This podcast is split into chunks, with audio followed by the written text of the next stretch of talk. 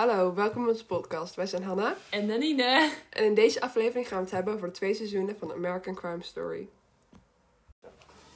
American Crime Story is een Amerikaanse televisieserie gemaakt door Ryan Murphy. Elk seizoen gaat over een waar gebeurd verhaal dat gaat over een misdaad die erg groot en belangrijk was en veel invloed had op de wereld. American Crime Story combineert feit en fictie. Het gaat over een waar gebeurd verhaal, maar veel van de gesprekken en gebeurtenissen zijn bedacht. Het eerste seizoen heet The People vs. O.J. Simpson. Het gaat over de rechtszaak van O.J. Simpson en de moorden van Nicole Brown en Ron Goldman. Het tweede seizoen heet The Assassination of John Versace. Dit seizoen gaat over de moord van Johnny Versace, maar vooral over de moordenaar Andrew Cunanan. Eerst gaan we het hebben over seizoen 1, The People vs. O.J. Simpson. Dit seizoen gaat over de rechtszaak van O.J. Simpson over de moorden van Nicole Brown en Ron Goldman. Nicole Brown was de ex-vrouw van O.J. Simpson en Ron Goldman was een vriend van, van Nicole. Kort na de moorden is O.J. gearresteerd en heeft in de gevangenis gezeten tijdens de rechtszaak. Tijdens de rechtszaak zijn er veel bewijsmaterialen tegen OJ gevonden. Zoals er is een 911 call dat, ehm, dat eh, tijdens de relatie van OJ en Nicole is, ehm, is gemaakt. En wat echt de, ehm, de ge- Hun relatie laat zien. hun relatie laat zien. En gewoon zijn, ehm, zijn, ja, zijn, hoe heet dat? Zijn, Hij was boos en je zag hoe Nicole wel bang voor hem was. Ja, je zag echt wat hun relatie ook eh, was. Ook is er nog een eh, bloed gevonden op een Het is gevonden op de, op de crime scene. En datzelfde bloed eh, met dus DNA is ook gevonden ehm, buiten O.J. Simpson huis.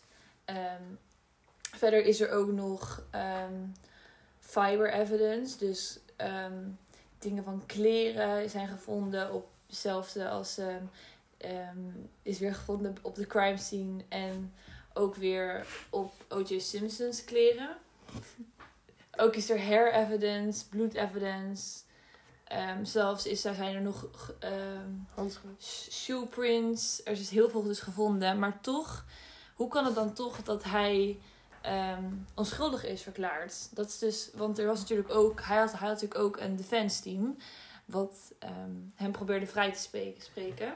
Het grote punt van het defense team. In het begin zeiden ze nog: nee, we gaan het niet hebben over racisme. We gaan het gewoon bewijzen. Maar uiteindelijk zijn ze toch gegaan en hebben ze het gehad over racisme in de politie. En hoe ehm, ze geloofden dat de politie corrupted was en dat ze de crime scene hadden vervalst.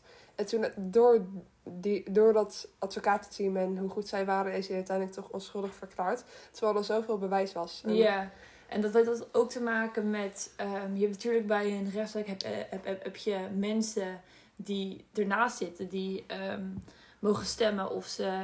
De. Ja, de jury die ehm, mag stemmen of ze schuldig of onschuldig de dader vinden. En Het moeilijke is dat OJ natuurlijk al bekend was. Mensen vonden het was een held. hij was echt een held. Hij was een hele bekende sporter. En hij was echt een eh, voorbeeld voor veel Amerikanen. Dus hij had gewoon veel eer en zo. En mensen vonden hem niet... Mensen dachten ook toen ze het nieuws hoorden van... Dat kan niet waar zijn. En veel van de mensen die dus... Dus de, de, de jury... ehm, die waren zelf ook... ehm, die, had, die hadden zelf ook eh, dezelfde achtergrond als OJ. En Ja. waren... Ja, het was, het was uiteindelijk heel erg een soort van gevecht tussen blanke mensen en donkere mensen. Ja. Omdat, ehm, ja, waarom? Dat door de racisme in de politie. En ik denk ook een groot ding is als je een bekend iemand bent, dan denken mensen dat ze je kennen. En dan denken ze, oh, die zou dat nooit doen. Oh, die zou dat nooit doen. Maar dat is moeilijk, want ze kennen natuurlijk helemaal niet. En zo uiteindelijk was het toch een feest toen hij ehm, onschuldig is verklaard. Ja, van- want veel ehm, donkerdere mensen die wouden natuurlijk, die hebben gewoon.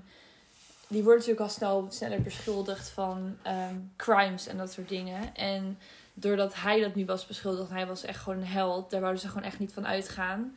En toen het ehm, nieuws uitkwam dat de politie eigenlijk ook wel racistische dingen in het verleden had gedaan, ehm, vonden ze dat gewoon een reden genoeg om er gewoon uit te gaan dat OJ niet schuldig was. En blankere mensen die gingen dan weer meer uit van de feiten. En niet van het feit dat, dat de politie racistisch was, maar meer over het echte DNA en wat is gevonden. Ja. Dus dat was meer. En doordat er ook meer ehm donkerdere mensen in de jury zaten, was er ook gewoon een meerderheid ja. van. Dus ja, daardoor is het uiteindelijk ook dat zij ehm OJ niet schuldig vonden. En natuurlijk is racisme bij de politie ook een groot probleem en er moet ook iets aan worden gedaan. Maar ik denk zelf dat bij deze, bij deze case, dat natuurlijk, er waren racistische polities daar, maar bij deze was het, het, het had, was hier niet zo'n grote rol Ja. als dat ze maakt dat het was. Want er was genoeg bewijs om te laten zien dat hij het echt had gedaan. En er was geen andere suspect, geen Hoger was- verdachte. Nee, er was verder niemand. er was, gewoon, die, er was eh, te veel bewijs om te laten zien dat hij het wel had gedaan. Dus daarom is het moeilijk. Wat ook erg raar en onbegrijpelijk voor sommige mensen zou zijn, is dat na, ehm, nadat OJ dus onschuldig is gevonden, Ongeveer 15 jaar later. na 15 jaar daarna is hij, heeft hij dus een boek geschreven over If I Did It. Dus een hypothetical eh, confession waarin hij dus vertelde over de moord. Dus in detail over waar je moeilijk kan begrijpen. Want hij vertelt gewoon wat hij denkt dat er is gebeurd of hoe hij Als moord het had zou hebben gedaan, gepleegd. Hoe was, hoe was ja, dat gegaan? Wat natuurlijk een raar idee is, als een moordenaar daarover in detail. Ja, waarom zou je dat praten. Als je zo erg bent, ik ben in de zet, dan ga je een boek schrijven over... Als ik dat had gedaan, dan was dit, precies dit gebeurd. Ja. Maar nog ook wel iets heel raars. Gaan we nu een kort stukje laten horen van een interview. Waar hij vertelt over, over zijn boek en If I Did It. Waar hij, hij zegt dat natuurlijk dat allemaal hypothetical is. Maar ehm, het is vooral zo van I remember, I remember. Het is, het is erg raar om naar te luisteren. Dat ga ik nu even laten horen. I was more concerned about everything that, that everything that was going on, you know, and uh, was uh, fed up with it, I guess. And uh, You get into a fight. Nicole comes out. and- verbal, a verbal, A verbal fight. got a little loud, and by that time, uh, uh, Nicole had come out, and we started having words about who is this guy, why is he here, what's going on. And she says, "This is my house. Get that the f out of here." Yes, and uh, which I didn't like because once again, this is the same person, and if you read the book, you'll see some things that happened in the two weeks leading up to this that were uh, very, very irritating. You know, uh, and I think Charlie had followed this guy in, wanted to make sure there was no problem. And he brought the knife. As things got heated, uh, I just remember Nicole fell and hurt herself. And uh, this guy kind of got into a karate thing. And I said, well, you think you can kick my ass? And I remember I grabbed the knife. I do remember that portion, taking the knife from Charlie. And to be honest, after that, I don't remember. You write about removing a glove before taking the knife from Charlie. Had no conscious uh, memory of doing that, but obviously I must have because they found the glove there. and blacking out. Have you ever blacked out before? Not to my knowledge. No. Nou, zoals je dat hoort is dat heel raar hoe hij nou eigenlijk vertelt in detail over wat er is gebeurd. En niet, het klinkt niet als... Het Het klinkt is niet ook niet meer. Nee, het klinkt niet alsof hij. ehm, het is te, te veel detail om te zeggen van dit zou er gebeurd kunnen hebben. Hij zegt echt letterlijk van I remember I grabbed the knife. Dus dat is wel echt een. Dit is gewoon een bekentenis. Dit is geen... eh, Ja. En wat je dan misschien kunt denken van kan hij dan nu nog steeds niet ehm, veroordeeld worden voor, wat, voor, voor de moord? Maar dat kan dus eigenlijk niet. Want je kan niet twee keer voor dezelfde crime worden veroordeeld in Amerika en ook gewoon in Nederland. Dus dat is gewoon. Hij heeft vrijheid nu eigenlijk om dat Ja. gewoon te zeggen. En natuurlijk is ook gewoon veel. Er is al vaker voorgekomen dat, dat eh, moordenaars of eh, wie dan ook nadat ze vrij, vrij, vrijgesproken een boek schrijven over wat er zou gebeurd zou kunnen hebben. Omdat veel mensen het willen lezen natuurlijk. Kan En veel daar, geld mee verdienen. ja, want ze zijn natuurlijk al heel veel geld verloren. En waarschijnlijk moest hij ook allemaal boetes betalen. Dus ja, hij moest gewoon. Hij dacht, het is gewoon een slimme inkomst. En ja, Maar toch de- denk je wel, wat ging er om zijn hoofd? We dachten, ja wat zou wat zijn kinderen denken? Want hij, hij heeft natuurlijk ook gewoon kinderen. Zouden, zouden die kinderen ook denken dat zijn vader hun moeder had, heeft vermoord? Of denken zij er anders over? Als je dit hoort, kan je niet echt meer denken, oh, dat heeft hij niet gedaan. Dit is gewoon, Nee. maar, dit is gewoon maar een grapje. Dat is, Ja, dat is gewoon heel raar. Ook nog iets raars wat er is gebeurd. Een ex-vriendin van OJ kwam ook later, nadat ze uit elkaar waren gaan. Dit was na Nicole, vertelde ze over OJ en hoe ze zelfs, zelfs dacht dat OJ het had gedaan. Over omdat OJ zo erg in detail vertelde over die moord. En dat hij zei dat, hij, dat ze het. Dat het. eh, dat ze. Dat she had it coming. Dat gewoon door, al, door haar lifestyle. Dat kan, dat kan gewoon niet. Dat, Ja. Ehm, deze serie combineert feit en fictie natuurlijk heel erg, omdat het een echt gebeurd, waar gebeurd verhaal is. Maar deze serie is natuurlijk er is op gebaseerd. Maar ik denk dat het heel makkelijk is om deze zo erop te laten lijken, omdat er na de rechtszaak heel veel boeken over zijn geschreven door de mensen die involved waren met de case, want er natuurlijk best wel veel geld mee kan verdienen, omdat iedereen wil hier nu over lezen.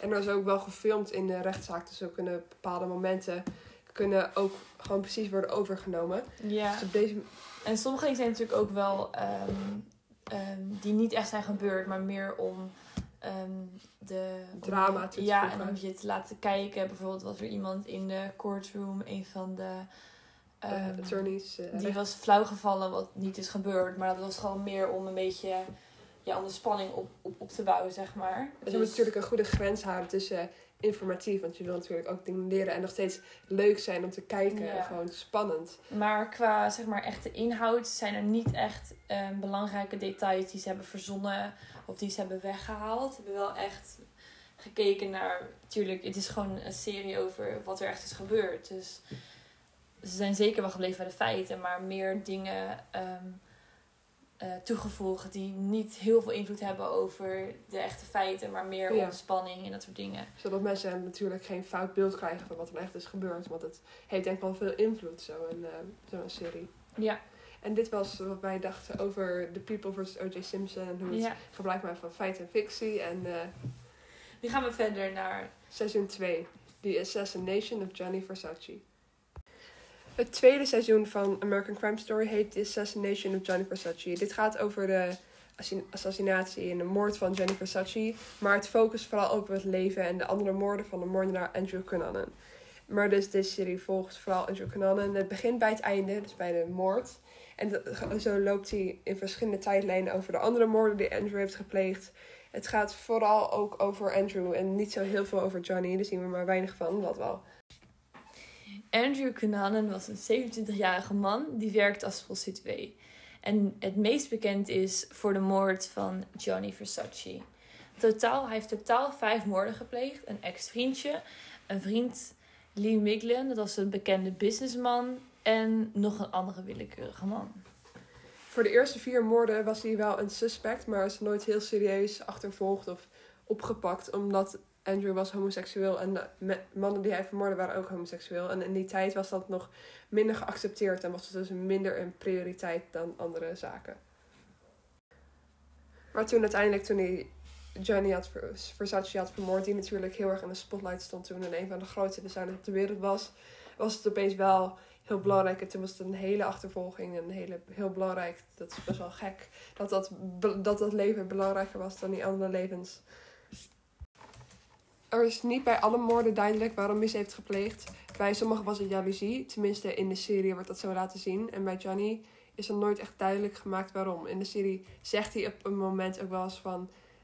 eh, Over hoe hij hem had kunnen zijn. Hoe hij ook zo succesvol had kunnen zijn. Dus het lijkt op, in de serie alsof het motief ehm, jaloezie is. Maar in het echt weten we dat niet. En dat is nooit duidelijk geworden waarom nou eigenlijk Andrew eh, Johnny had vermoord. Eh, het verschil tussen de, tussen de O.J. Simpson serie en deze serie is dat ehm, bij de eerste serie bij O.J. Simpson waren er veel meer feiten en ehm, zoals tapes en Boeken. eh, boeken. Dus er was veel meer, dus ze konden veel dieper ingaan.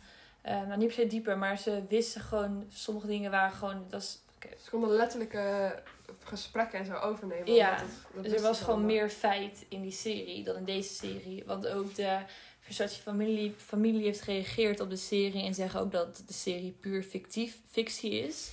Ehm, omdat ze waren ook niet betrokken in het maken van, het serie, van de serie. En het, het, de serie is gebaseerd op het boek van Maureen Oord. En dat staat vol, vol roddels en speculaties. Er is geen, ze zeggen dat er geen enkele basis voor de claims die ze maakt in het boek over het persoonlijk leven van Gianni Vers- Versace en zijn, en zijn fa- familieleden.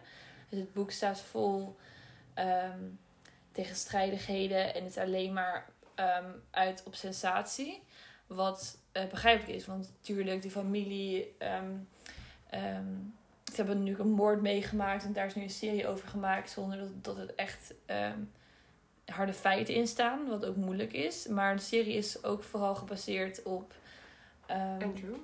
Andrew en de moord die hij heeft, heeft gepleegd. Natuurlijk, het gaat, de serie heeft de naam Gianni Versace in, in, de, in, de, in de naam, in de serie. maar, maar het gaat natuurlijk ook over de andere moorden en meer over hoe hij als persoon is. Ja, dus daardoor is het toch... Natuurlijk, we snappen dat het wel erg is. Omdat het zo'n hele retelling van het, een, een van de ergste gebeurtenissen van je leven is. Om dat weer te zien. Maar het, is- maakt het wel minder erg dat het eigenlijk vooral over Andrew gaat. En over zijn leven. Nou, dit was onze podcast over de twee seizoenen van American Crime Story. Ja, we hopen dat, dat, dat, dat, dat jullie het leuk vonden, want wij vonden het wel heel erg leuk om eh, de series te kijken, de meer diepte in over te gaan. En ja, Er meer over op te zoeken. We ja. raden de series ook zeker erg aan. Ze staan allebei op Netflix. Ja, ga, ga ze kijken. Heel, heel in- in- interessant. En ja, ja, dit was onze podcast. tot de volgende keer. Doei!